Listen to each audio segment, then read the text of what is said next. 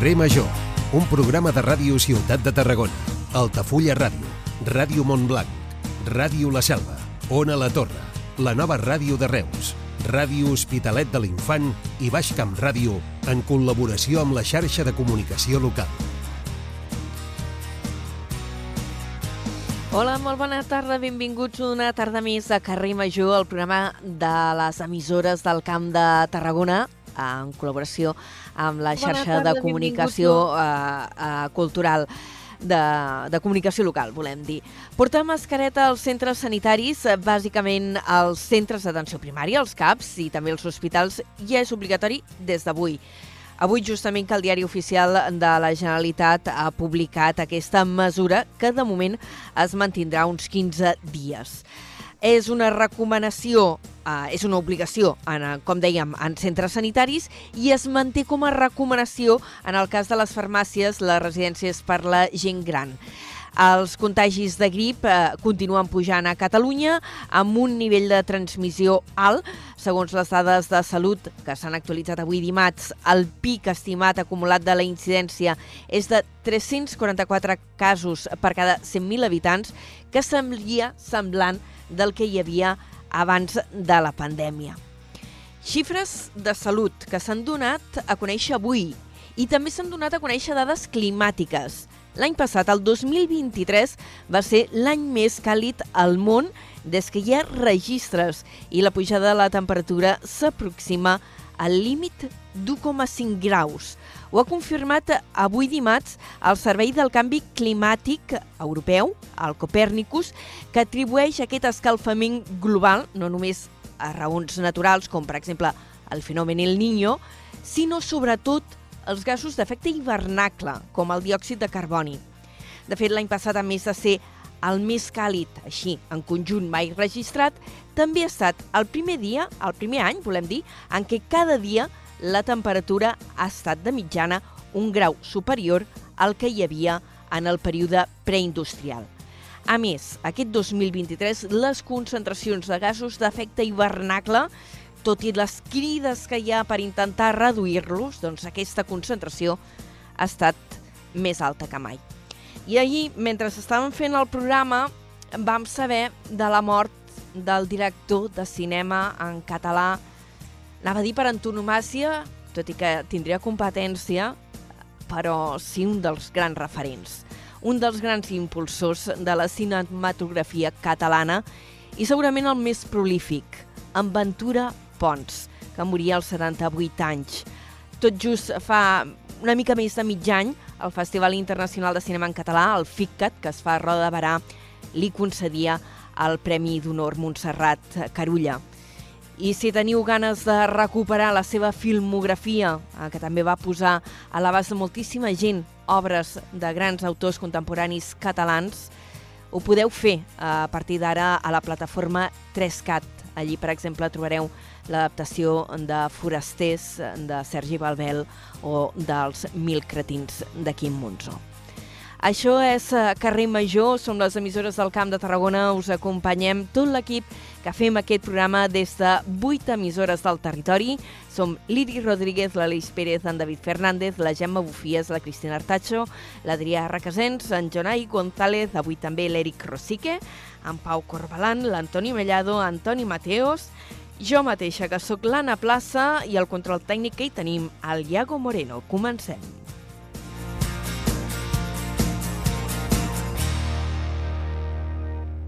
Carrer Major, el primer programa del Camp de Tarragona.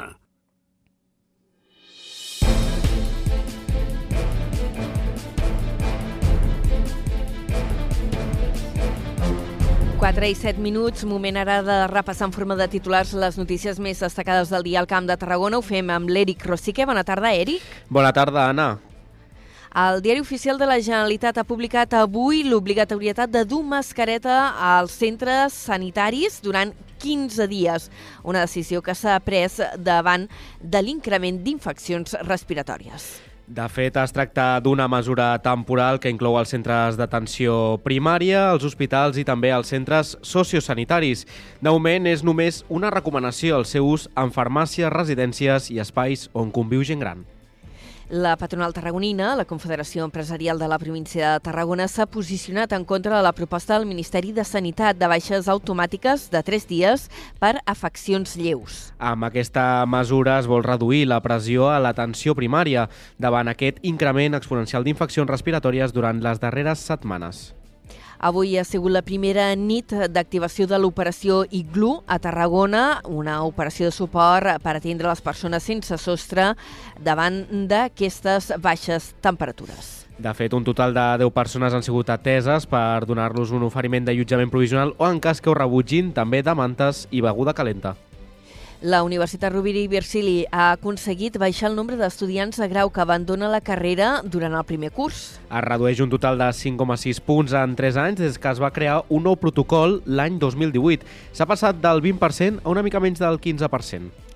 La Marató de Donació de Sang de Catalunya que organitza el Banc de Sang i Teixits eh, vol arribar a assolir les 10.000 donacions al conjunt del país. Una campanya que començarà el proper 11 de gener i es veu que al llarg del 2024 més de 70.000 persones necessitin rebre sang que es troben ara mateix en nivells perillosament baixos. La- El Tanatori Municipal de Reus incorpora la Sala de les Emocions, un espai per ajudar els més petits a gestionar l'inici del procés de dol per la pèrdua d'una persona estimada. Aquest és un procés que afecta a totes les edats i amb aquesta iniciativa es pretén ajudar les famílies a explicar i gestionar aquest sentiment. El Palau d'Esports Catalunya a Tarragona acollirà per primer cop el Campionat de Catalunya de tir amb arc per equips. I també parlarem en cultura que el Teatre Fortuny de Reus inicia el cicle Reflexions en Obert que proposa reflexionar al voltant de diversos espectacles que es poden veure al llarg de tot el primer semestre del 2024. Notícies que ampliarem d'aquí mitja hora una miqueta més. Eric, tornarem a parlar llavors. Fins ara, gràcies. Fins ara.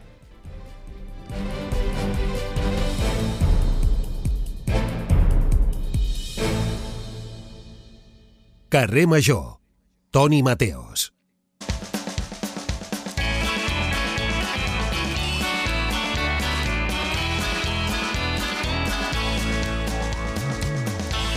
Evening, Mateos. Com has dit? Evening, però no, seria més aviat afternoon, no? Good afternoon. Ah, good afternoon. Sí, no? Good afternoon. Bon jo vaig dia, escriure, bona quan vaig, quan vaig, jo vaig fer d'oper a Anglaterra i vaig estar vivint una temporadeta. Mhm. Molt guai, eh, per cert. Són... Jo, jo, Ai, jo d'oper no, jo vaig estar treballant en un supermercat. Doncs mira, doncs jo cuidant canalla. I, i Molt no sé guai, per què t'ho deia. guai. Vaig descobrir que no deien good morning, sinó que diuen morning. Morning.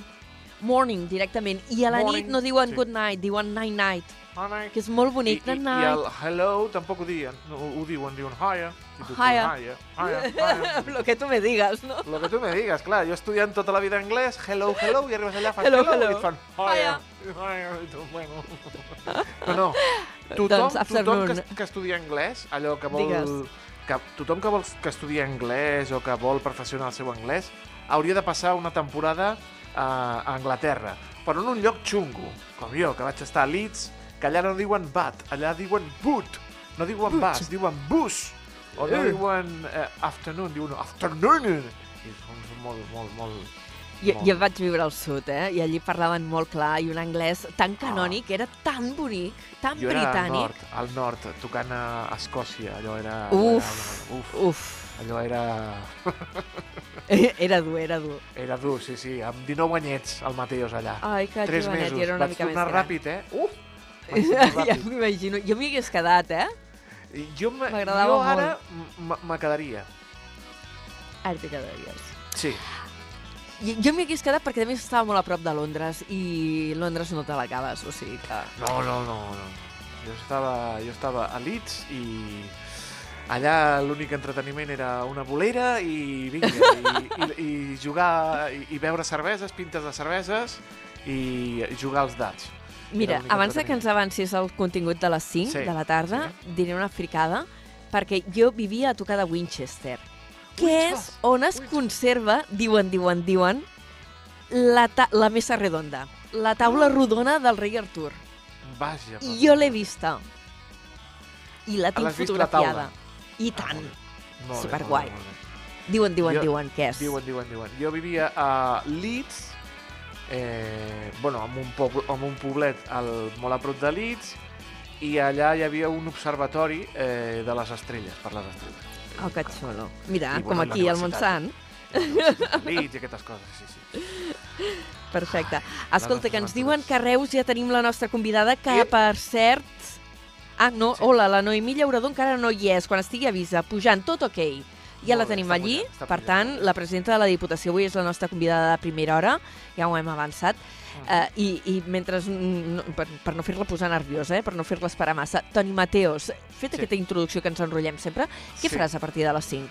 Doncs mira, eh, continuarem a Reus perquè parlarem amb el Faca. El Faca Eh? és un creador de continguts reusenc que té un munt de seguidors a xarxes socials i que fa vídeos molt divertits i el coneixerem, aquest eh, creador de continguts.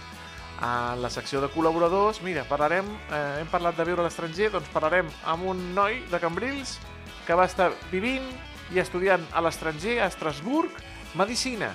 Alerta amb Ai, això. que bonic. Molt bé. ODS, eh, amb la Georgina Flore- Florejacs, Home. coordinadora del projecte Dones Cistelleres, la banda Perfecte. sonora del Camp de Tarragona i és mes de gener, d'aquí dos dies és Sant Antoni, com aquell que diu, i tornen Sí, els festa tres major al meu poble. Sí, sí. Tres toms de Valls. Parlarem amb la secretària de la Societat Sant Antoni de Valls, amb la furgoneta. Mm, molt bé. Molt bé, doncs tot això a partir de les 5 de la tarda amb Toni Mateos, l'Aleix Pérez i companyia. El Toni, mm, doncs fins després. Jo ara vaig a, vaig a entrevistar la presidenta de la Diputació, que he començat a fer llista de temes i ja sé que no tindrem temps ni de, de parlar ni de la meitat. Però alguna cosa farem. Te dic, afternoon. Afternoon. fins després. Bye. Adéu.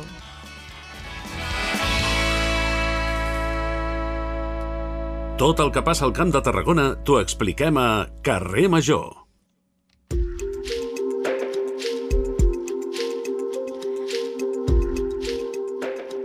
En punt és un quart de cinc de la tarda i us ho dèiem, avui la nostra convidada en aquesta primera hora del programa és la presidenta de la Diputació de Tarragona, la Noemí Llaurador. Senyora Llaurador, bona tarda.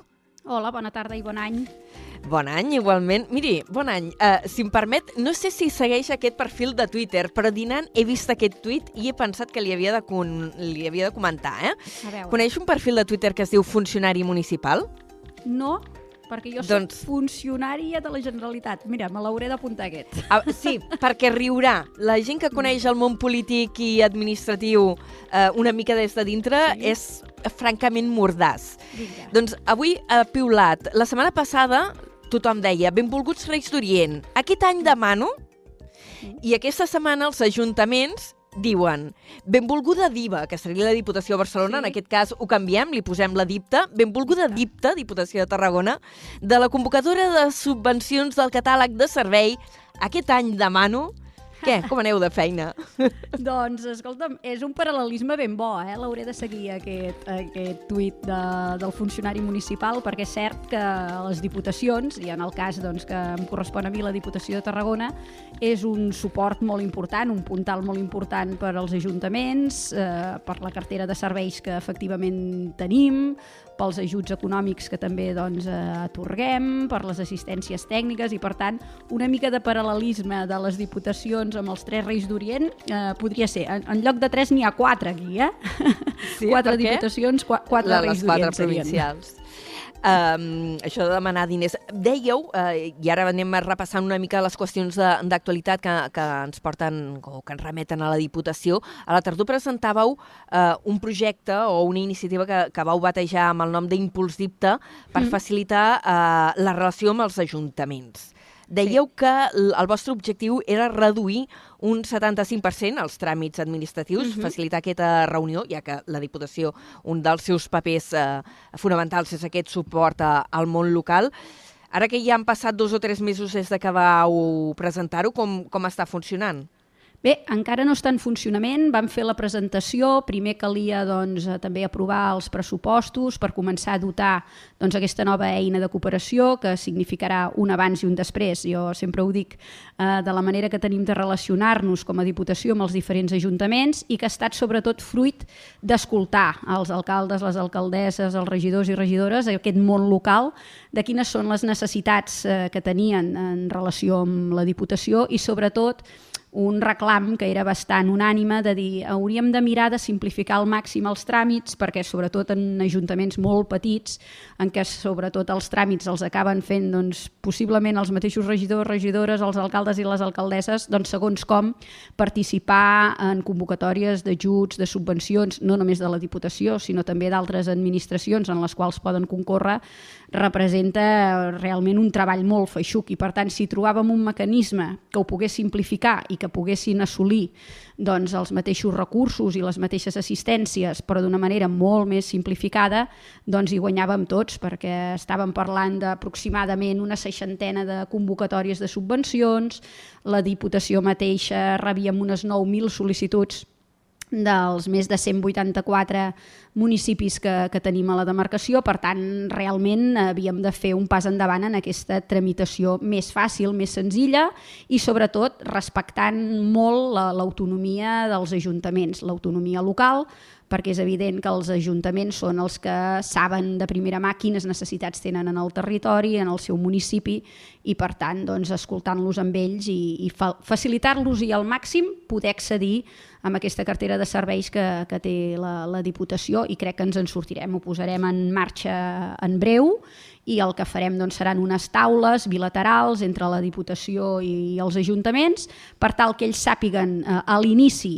pràcticament, del mandat, amb quins recursos compten per part de la Diputació i per tant que puguin planificar ja sigui les inversions que volen dur a terme en els seus municipis, ja sigui també doncs, un, un percentatge de despesa corrent que també els hi fa falta i que també hi poden accedir a través de, de la Diputació. Jo crec que serà, com et deia, eh, un abans i un després i, i que serà molt ben valorat per tots els ajuntaments perquè busquen això, sobretot, simplificar la burocràcia, eh, que és una cosa que, que és recurrent, no només entre els ajuntaments, sinó probablement també entre la ciutadania. Eh, de fet, aquí anava anava jo, perquè a banda de fer aquesta tasca de suport als ajuntaments, la Diputació també eh, té unes importants línies de subvencions entitats, entitats esportives, culturals, de l'àmbit social, i quan aprovàveu els pressupostos també una de les coses que vau manifestar és que eh, volíeu facilitar l'accés a aquestes línies de, de subvencions i avançar-ne la resolució, no? perquè enguany, per exemple, i ara ja par, eh, li plantejo un cas personal, formo part d'una entitat de, de Vilaseca que ens va arribar la subvenció eh, per programar teatre a finals d'any i dius, ostres, però ara, si ara ja tenim eh, tancada la programació, no? I et trobes amb, amb desajustos sí. d'aquests. Això se pretén corregir. Exacte, és el fet de poder disposar ja doncs, de les partides corresponents a l'inici de, de l'exercici per tal de que les convocatòries surtin molt abans, això en el cas de les entitats, eh? els ajuntaments ja et dic anirem per aquesta altra via, que és un mitjà de cooperació i que per tant va per una altra via, eh? però pel que fa a les entitats, doncs, convocar el més aviat possible per tal doncs, de que eh, puguem resoldre també quan abans millor i que les entitats, doncs, si bé segurament han d'avançar els diners uns mesos abans que no hagin d'esperar eh, doncs, massa més eh, per tal doncs, de, de cobrar la subvenció per part de la Diputació. En som conscients perquè doncs tots els diputats i diputades que som a la Diputació som regidors, regidores, alcaldes o alcaldesses dels ajuntaments, ens passa el mateix en els ajuntaments en relació amb aquestes entitats i quasi tots també, poc o molt estem vinculats amb entitats i, i sabem de les dificultats que les entitats doncs, també també tenen i hem d'empatitzar-hi i hem de facilitar la vida, que per això també estem, que ja és prou complicada de per si, no? Déu-n'hi-do. Eh, parlant d'aquests pressupostos, els vau aprovar a principis del mes de desembre, pujaven més de 200, eh, ho dic de memòria, eh, en més de 200 eh, milions d'euros, em sembla que 208. Sí, 208, sí, sí. Eh, amb un increment del... perquè no m'ho havia apuntat al guió, dic, tiraré de memòria perquè sóc així de xula. Vas bé, uh, vas bé. Uh, S'havien incrementat un 10%. Uh, gràcies a què és possible aquest increment? Bé, amb la, bàsicament els ingressos ens venen per la participació en els ingressos de l'Estat i doncs, eh, aquesta vegada també això ens afavoreix i per tant tenim més ingressos a, a través de la participació de, de l'Estat, com et deia, i això ens permet doncs, a, a augmentar. Però també també percebem algun tipus de, de preus públics, de, de tarifes, doncs, perquè tenim també eh, equipaments com els centres d'educació especial, els conservatoris i les escoles de música, les escoles d'art i, i disseny, això també ens donen un, una sèrie de, de preus públics que també representen uns ingressos per part de, de la Diputació i aquesta participació, sobretot, eh, positiva per part de, de l'Estat doncs ens fa que hagi pujat, hagi incrementat eh, el pressupost. I vau aconseguir una àmplia correlació de forces. De fet, hi van votar a favor eh, quatre dels cinc partits que estan representats uh -huh. ara a la Diputació, els que esteu al govern, Esquerra i PSC, per descomptat, però també vau aconseguir el suport de Junts, del PP, els únics que hi van votar en contra eh, van ser Vox. Es manté uh -huh. doncs, aquesta mena d'estabilitat política d'harmonia, que sí. per dir-ho d'alguna manera, harmonia política que no s'aconsegueix als ajuntaments, però que fa anys que sembla que impera la, a la Diputació, tot i que eh, després de les eleccions del maig de l'any passat, vau configurar un govern amb una correlació de forces diferents de la que hi havia abans. Uh -huh. És un dels nostres objectius principals. De fet, en el discurs d'investidura que vaig fer jo mateixa no? a l'inici del, del mandat, el, el juliol d'enguany, de, ho vaig dir, no? que jo treballaria per cercar sempre doncs, aquest uh, ampli consens, uh, dialogar molt, parlar, doncs, evidentment, amb tots els grups, ja siguin a l'oposició, ja siguin, evidentment, al govern, perquè doncs, uh, la demarcació es mereix tirar endavant molts reptes uh, i moltes oportunitats que es generaran i, per tant, diguem, la Diputació ha de transcendir una mica eh, aquest possible tacticisme que existeix més doncs, en altres administracions i pensar doncs, que tot el que es vol tirar endavant des de la Diputació beneficia el conjunt dels municipis. I evidentment al capdavant del conjunt dels municipis doncs, hi ha diversitat de colors polítics i a més a més també hem de pensar que tirem endavant eh, doncs, projectes i accions que tenen a veure, com vostè deia molt bé, en les entitats eh, culturals, socials, esportives, però també fins i tot no? amb petites empreses, microempreses o persones autònomes, per exemple, en l'àmbit cultural se m'acudeix i per tant eh, val la pena que aquesta gent eh, vegi que això tira endavant i requereix doncs, d'aquest doncs, consens polític. Jo crec que és una de les qüestions que la ciutadania acabem valorant més, no? que, que sapiguem eh, sobreposar-nos a interessos molt legítims a nivell de partit, però que sapiguem que allò que és estratègic que busca doncs, una finalitat última que és millorar la vida de la gent, doncs ens aconseguim posar d'acord. Això també és feina nostra, treballar per aconseguir aquests acords i tirar endavant eh, els projectes. Jo crec que aquest és el tarannà de la Diputació des de sempre, ha de continuar sent així i jo crec que també totes les persones, eh, diputats i diputades que hi són, ho tenen molt interioritzat i que per tant també veuen eh, molt positiu eh, arribar a aquests acords i a aquests consensos que ha de ser doncs, eh, la tònica general. Ara has comentat una, una de la línia d'ajuts que, que té la Diputació, que, que és relativament nova, eh, perquè em sembla que va néixer, el, o, el, o almenys se li va donar un impuls impulsa, eh, important en l'anterior mandat, que és el del mm. suport a creadors del territori. Sí. Eh, com està anant? Quin, quin balanç en feu d'aquesta línia? Perquè això, això va ser bastant nou. Molt positiu, ens en enorgullim moltíssim.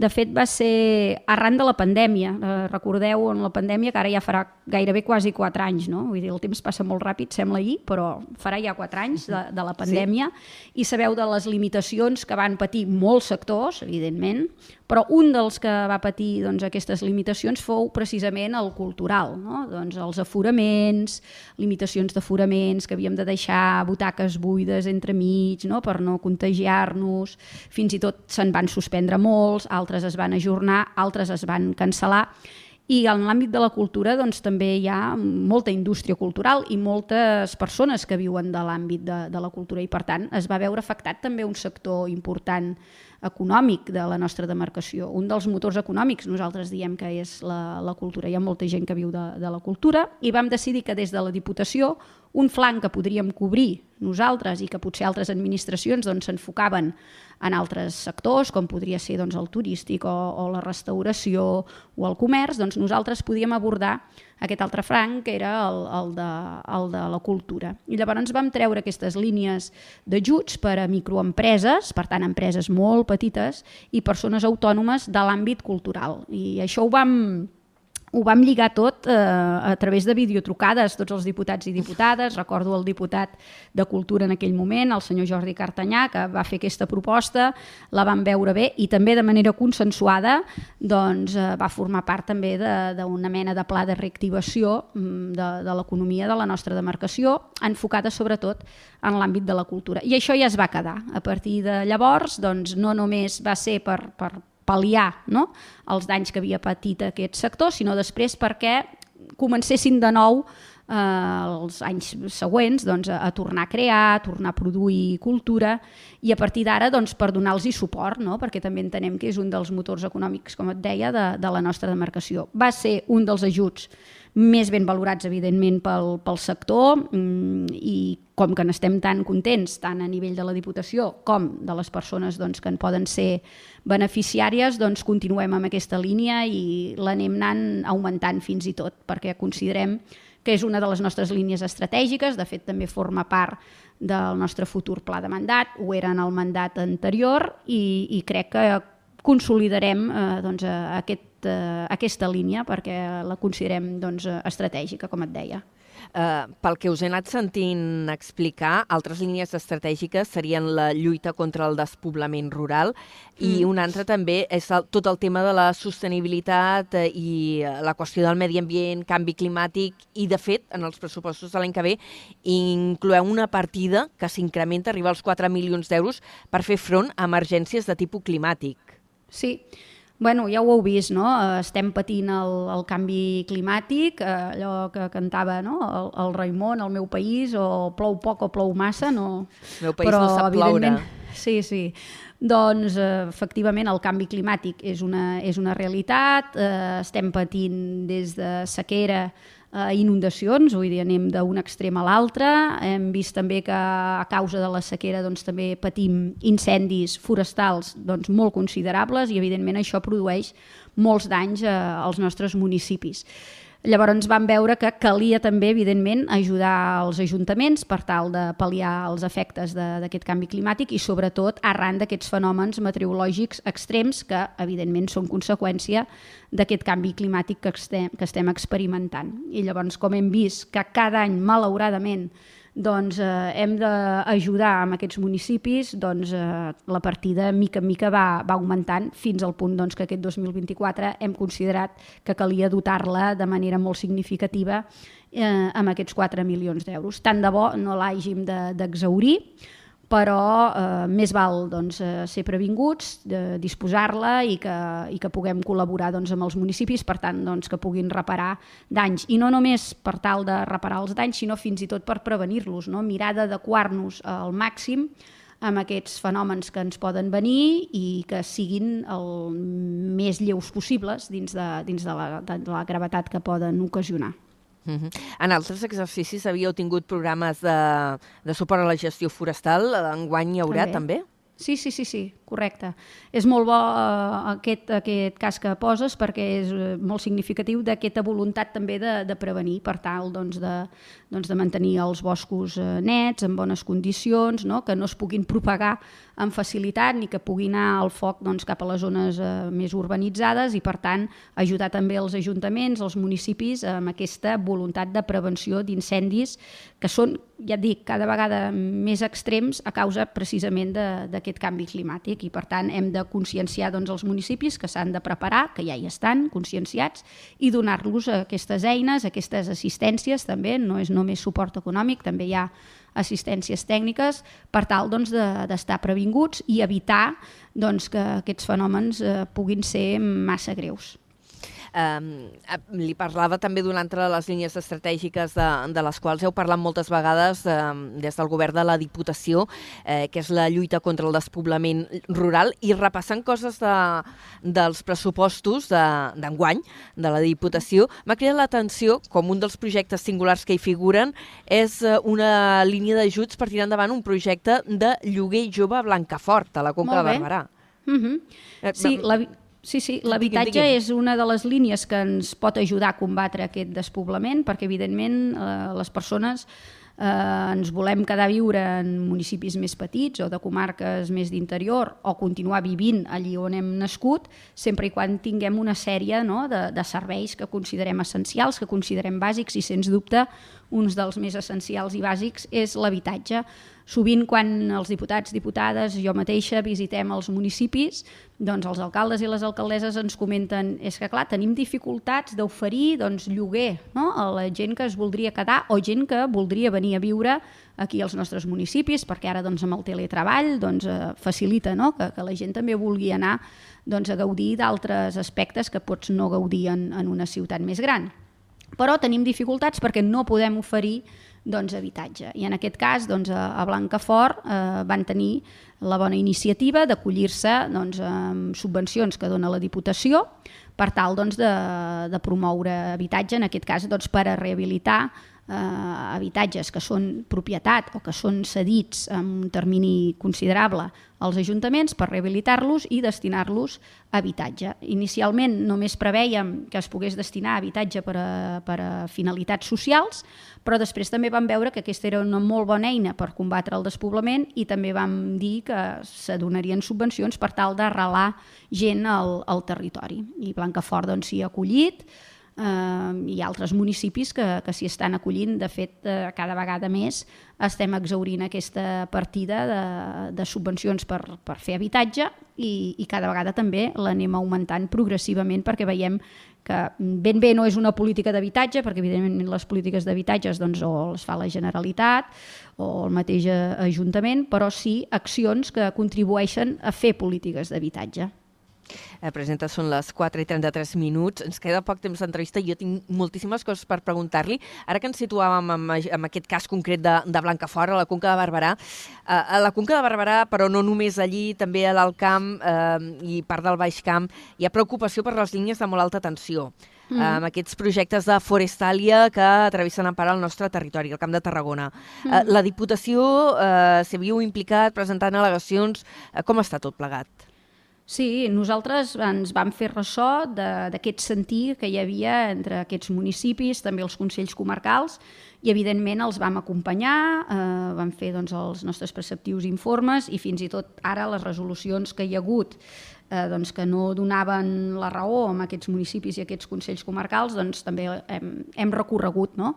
eh, aquesta, aquesta resolució perquè considerem doncs, que mm, no s'ajusta al que nosaltres consideraríem més oportú, que és que l'energia doncs, s'ha doncs, de generar en el propi territori, no, el nostre territori no ha de servir només per tal de que passin no?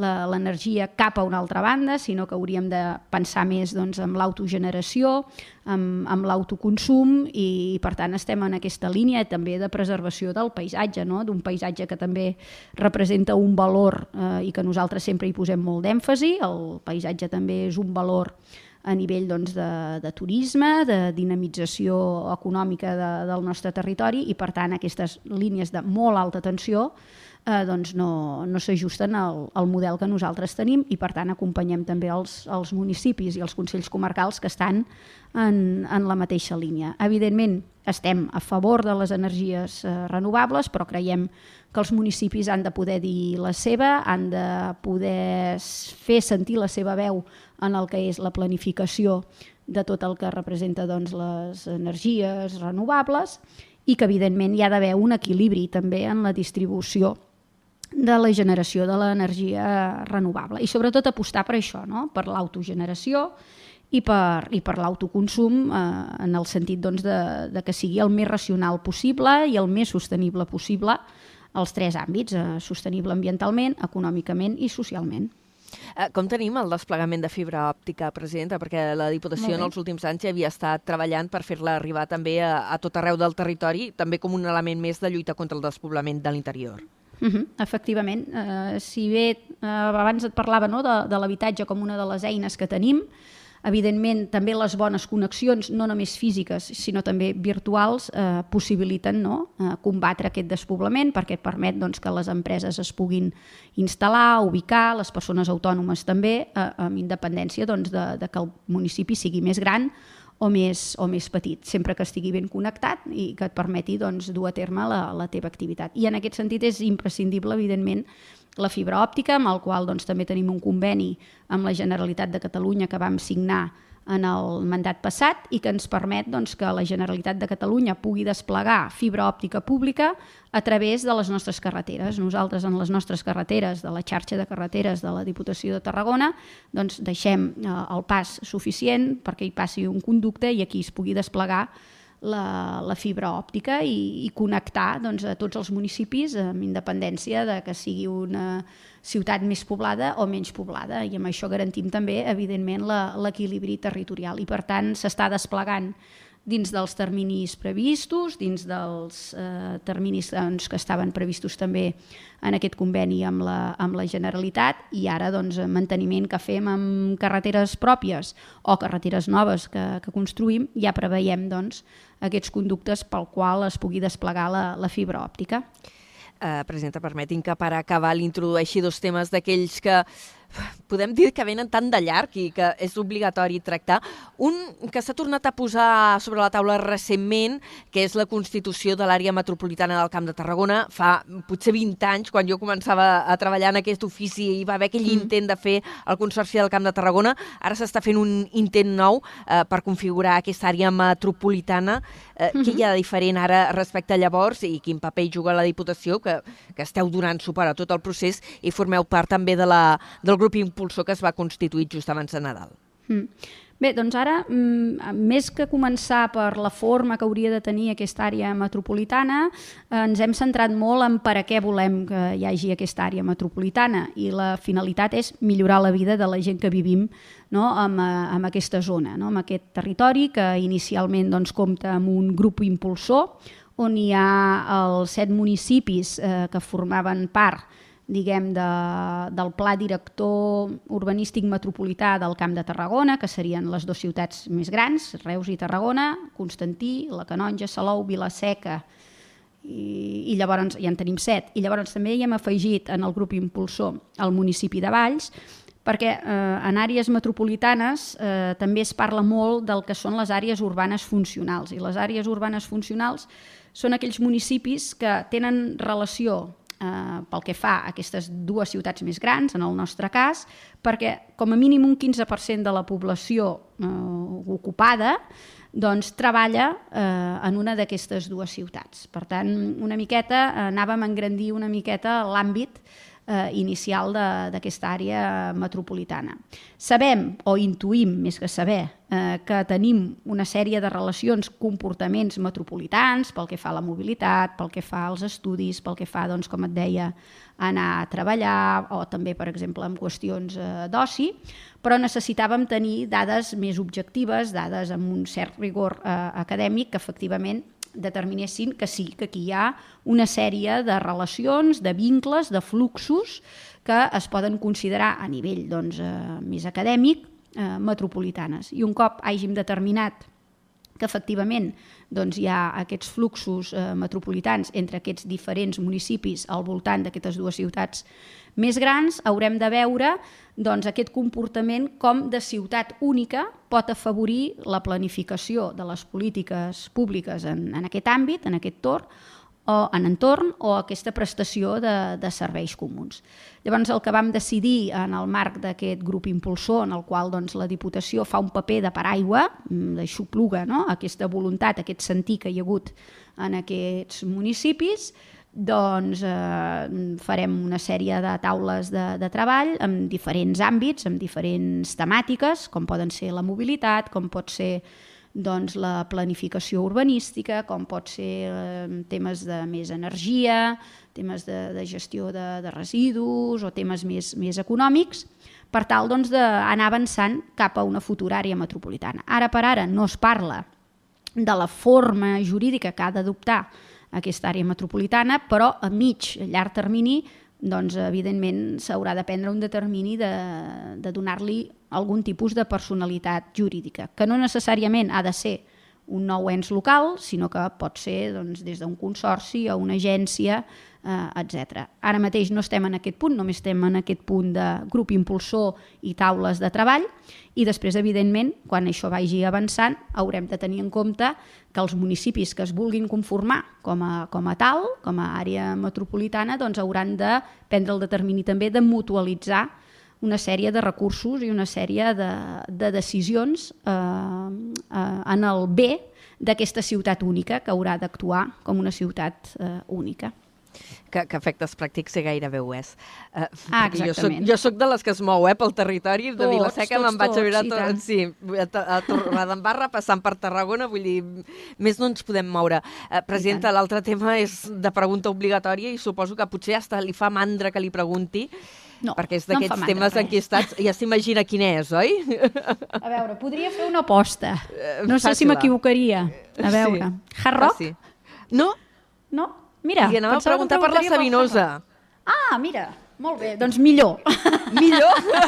millor, No, millor, m'agrada més la és igual, és igual també, com que és, eh, té la pilota a la patata calenta la té la Generalitat, i ja quan tornem a preguntar amb algú de la Generalitat ja els hi preguntarem que la cosa Molt sembla bé, enquistadeta. molt bé, molt bé. El tema Sabinosa, perquè l'any Sí. passat eh, presentàveu eh, el que us agradaria fer-hi, eh, Mhm. la voluntat de la Diputació seria fer-hi un gran hub eh, cultural, Sí. ja vau dir que això però aniria per llarg, que s'havia de buscar finançament i que a priori el que es volia fer a partir d'enguany era començar a recuperar el camí de ronda. Com ho Sí, tenim senyora. tot plegat? Molt bé, doncs mira, Traxa, que és l'empresa pública de l'Estat, eh, que és mitjà propi de, de la Diputació, està en aquests moments ja redactant el projecte del camí de ronda i la voluntat és que de cara a l'estiu, si tot va bé, doncs ja comencen a iniciar-se les obres que podrien estar acabades doncs, el, el 2025, de manera que començaríem eh, amb molt bon peu a, a aquest mandat per poder doncs, eh, facilitar el pas per a, per a vianants, no només per als tarragonins i tarragonines, sinó que evidentment pensem en el conjunt de, de la demarcació. I també a nivell turístic també seria molt, molt propici doncs, disposar d'aquest camí de ronda, que a més a més eh, ens l'executaria Costes, per tant, De l'Estat? i, i finançat doncs, eh, per ells, perquè tenen uns fons Next Generation que ho afavoreixen. Eh, nosaltres financiaríem el que és el projecte i després el manteniment de- d'aquest camí doncs, el faria l'Ajuntament, no? l'Ajuntament de Tarragona. El positiu i que ens encoratja a veure-hi la llum finalment de, de tot plegat és que totes les administracions implicades no? o que hi han de dir alguna cosa doncs, ho, ho veuen bé, començant per l'Ajuntament de Tarragona, que és el municipi on està ubicada doncs, la, la finca de la Sabinosa, la Diputació, evidentment, que n'és la propietària, la, la titular, la Generalitat de Catalunya, que finalment doncs, eh, dins de la finca també hi ha de poder dir urbanísticament doncs, la seva, hi ha de fer-ne l'aprovació definitiva, i l'Estat pel que fa al camí de ronda, perquè com et deia doncs, ho executarà eh, la Direcció General de, de Costes. Per tant, totes aquestes administracions també hem aconseguit aquest consens amb el qual doncs, iniciàvem l'entrevista eh, i que també és molt positiu per tirar endavant doncs, en aquest cas aquest projecte. I després a dins de la finca, doncs, efectivament, com deies, aquest hub cultural que tenim la voluntat doncs, de desplegar i que eh, ara per ara el que hem fet és presentar ja el que seria la determinació, el pla funcional de determinació d'usos de què fer-hi en aquesta finca perquè doncs, eh, no cal fer cap modificació en el planejament de, de l'Ajuntament de, de Tarragona, simplement concretar doncs, eh, quins usos tindran eh, que han de passar per ser equipaments públics, que és tal com està classificat urbanísticament aquella finca segons el planejament general de, de l'Ajuntament de Tarragona. I aquest plat funcional ja està fet o esteu en procés de... Eh, el pla de determinació d'usos ja està presentat a l'Ajuntament de Tarragona, però això no és el projecte, eh? això només és la determinació dels usos. Escolteu, mira, els usos d'equipaments públics per la Diputació de Tarragona passa perquè siguin usos culturals, eh? simplement és, és això. I un cop doncs, eh, això estigui aprovat, llavors és quan haurem de començar a encarregar i a redactar el que és el projecte de la construcció doncs, de, de, dels equipaments, de la instal·lació, no? d'usos culturals que passen, doncs, ja, ho, ja ho vam dir, no? per, per aquest auditori, per aquesta residència doncs, artística, perquè es generi creació, perquè es generin aquestes sinergies amb diferents tipus de- d'arts, de, de diferents tipus de- d'artistes, i per tant eh, doncs es torna a veure no? aquesta voluntat que té la Diputació de d'afavorir la cultura en el nostre territori i que puguem ser referents com som al, al sud del país, no? la, la Catalunya Sud, en, en àmbit cultural i que se'ns pugui identificar eh, d'aquesta manera. Això va més a, a llarg termini i com que va més a llarg termini segurament tindrem ocasió en altres programes de tornar-ne a parlar amb la, amb la presidenta de la Diputació de Tarragona que ens ha acompanyat eh, avui a Carrer Major. Li agraïm moltíssim la confiança que hagi vingut al programa i com que ens han quedat coses al tinter ja, ja la tornarem a convidar un altre Molt dia. bé, Moltíssimes gràcies, gràcies a vosaltres, eh, serà un plaer. Moltes gràcies. Fins la propera. Gràcies, Déu. Fins la propera. Carrer Major, al Camp de Tarragona, des de ben a prop. Són les 4 i 47 minuts, poquet temps ens queda per l'informatiu. Avui ens hem allargat una mica més del compte amb l'entrevista. Saludem de nou l'Eric Rosique per fer les notícies. Eric, bona tarda. Bona tarda, Anna. El diari oficial de la Generalitat de Catalunya ha publicat avui l'obligatorietat de dur mascareta als centres sanitaris almenys durant 15 dies. Es tracta d'una mesura temporal que inclou, com dèiem, els centres d'atenció primària, els hospitals i també els centres sociosanitaris. De moment és només una recomanació el seu ús en farmàcies, residències i espais on conviu gent gran. Els contagis de grip continuen pujant a Catalunya amb un nivell de transmissió alt. Segons les dades de salut actualitzades aquest dimarts, el pic estimat actual d'incidències de 344 casos per per 100.000 habitants, semblant al d'anys anteriors a la pandèmia quan s'havia arribat a situar al voltant de 350-400 casos per 100.000 habitants. En total s'han diagnosticat fins a 14.903 casos de grip a l'atenció primària, molt per sobre de les temporades anteriors marcades per la Covid-19. La patronal tarragonina, la Confederació Empresarial de la Província de Tarragona, s'ha posicionat en contra de la proposta del Ministeri de Sanitat de baixes automàtiques de 3 dies per afeccions lleus. Amb aquesta mesura es vol reduir la pressió a l'atenció primària davant de l'increment exponencial d'infeccions respiratòries durant, com dèiem, aquestes darreres setmanes. El nou president de la CEPTA, Xavier Rigau, que va accedir al càrrec a la tardor, considera que aquesta proposta és desencertada perquè pot derivar en un increment de l'absentisme laboral, una qüestió que ja preocupa l'empresariat.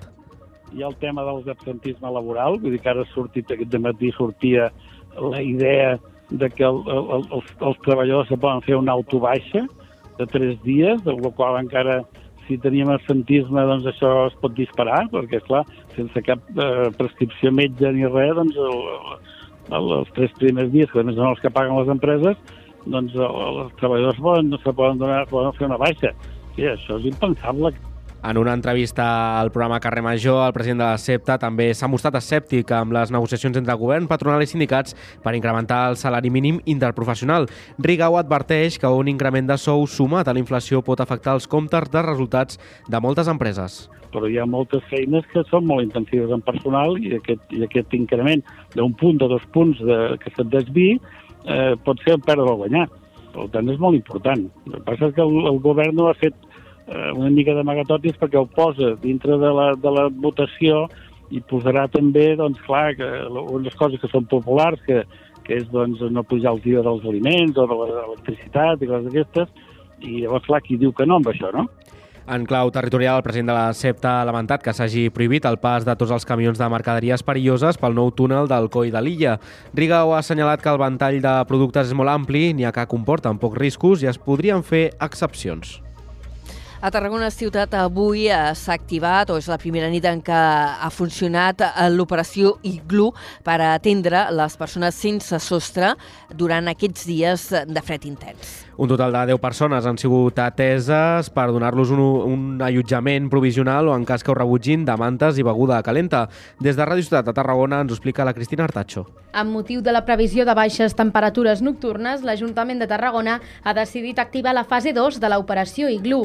Aquest dilluns a la nit va tenir lloc el primer dispositiu de recerca i atenció a persones sense sostre, consistent en l'oferiment d'allotjament provisional en un establiment o centre d'acollida i, en el cas que ho rebutgin, oferir oferir-los mantes i beguda calenta. Així ho ha explicat l'alcalde de Tarragona, Rubén Viñuales. Avui activem la fase 2 d'aquesta operació Iglu. La fase 1 és la que s'activa quan hi ha temperatura sota zero, des de l'1 de desembre fins al 31 de març, però hem estimat eh, pertinent de que amb aquesta previsió de baixada de temperatures activar aquesta fase 2. Com molt bé ha dit el nostre cap de protecció civil, el que fem és oferir aquest, aquest habitatge eh, provisional o als centres d'acollida o si es neguen poder oferir no? aquesta beguda calenta i, i mantes, òbviament, per, per tal de que, que pugui passar no? la nit de la millor manera possible. El dispositiu d'ahir a la nit va localitzar 19 persones pernoctant al carrer, de les quals 10 van acceptar ser ateses i d'aquestes 7 van ser allotjades en un recurs habitacional. Moltes gràcies, Cristina. La URB ha aconseguit eh, baixar el nombre d'estudiants de grau que abandona la carrera durant el primer curs. Concretament, la reducció ha estat de 5,6% en 3 anys és que es va crear un nou protocol al 2018. En total, el percentatge d'alumnes que ha deixat els estudis durant els primers anys de carrera ha passat del 20% al poc més de 15%. L'objectiu del nou protocol consisteix en analitzar el nombre d'estudiants que decideix abandonar el grau, poder conèixer també les seves causes i incrementar les tutories per poder prevenir-ho. Segons la vicerrectora de projectes docents i estudiants de la URB, Montse Pinent, des que es va posar en marxa aquest nou protocol s'ha observat que a més tutories també hi ha hagut més disminució de l'abandonament i de fet un 60% dels estudiants que el 2021 van ser orientats per una tutoria continuen amb els seus estudis. I més eh, qüestions en aquest primer bloc de l'informatiu. Breument, un incendi en un habitatge a la urbanització Infant al municipi de Vandellós i l'Hospitalet de l'Infant. Aquest dimarts 9 de gener s'ha produït un incendi al carrer Gregal que no ha deixat ferits. Des de Ràdio L'Hospitalet ens explica l'Iris Rodríguez.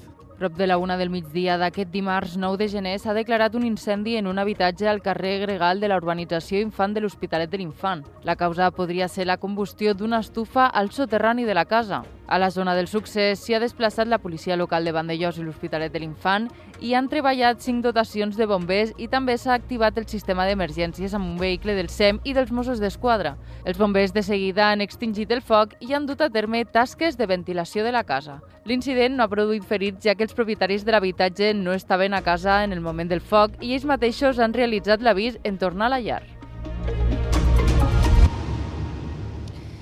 4 i 54 minuts. Seguim amb més notícies, ara amb una d'àmbit general, però que també té traslació al món local. I és que la Marató de Donació de Sang de Catalunya, que organitza el Banc de Sang i Teixits, vol arribar a assolir les 10.000 donacions arreu del país. Una campanya que es fa extensiva, evidentment, també a Tarragona.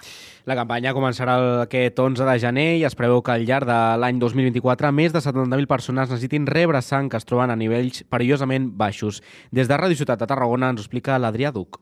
10.000 persones donants. És l'objectiu que s'ha marcat la Marató dels Bancs de Sang de Catalunya, que començarà el proper 11 de gener i s'acabarà el 19 del mateix mes. Es preveu que al llarg de l'any 2024 més de 70.000 persones necessitin rebre sang d'uns bancs que ara mateix, després de les vacances de Nadal, estan en uns nivells perillosament baixos. L'alcalde de Tarragona, Rubén Viñuales, ho ha explicat així. Més de 70.000 persones necessitaran donacions de sang als hospitals de Catalunya aquest 2024. No oblidem que la campanya de Nadal eh, sempre es baixen molt no? les reserves de, de sang, a fruit de les festes. Crec que és un, un moment idoni per tal d'aquest esperit nadalenc no? que, sempre, que sempre treballem, lluitem i, i promocionem es pugui traslladar en un acte tan bonic com, com donar sang. No? Aquesta edició de la Marató té com a novetat la construcció d'un monument virtual i dinàmic, el qual, a través d'una aplicació i un codi QR, anirà tenyint-se de vermell a mesura que el nombre real de donacions vagi augmentant. Tarragona, a més, ha estat escollida com a la ciutat on es farà la cloenda d'aquesta marató el 22 de gener. I breument, el Tanatori Municipal de Reus incorpora la Sala de les Emocions, un espai per ajudar els més petits a gestionar l'inici del procés de dol per la pèrdua d'una persona estimada. Dit això, anem als esports.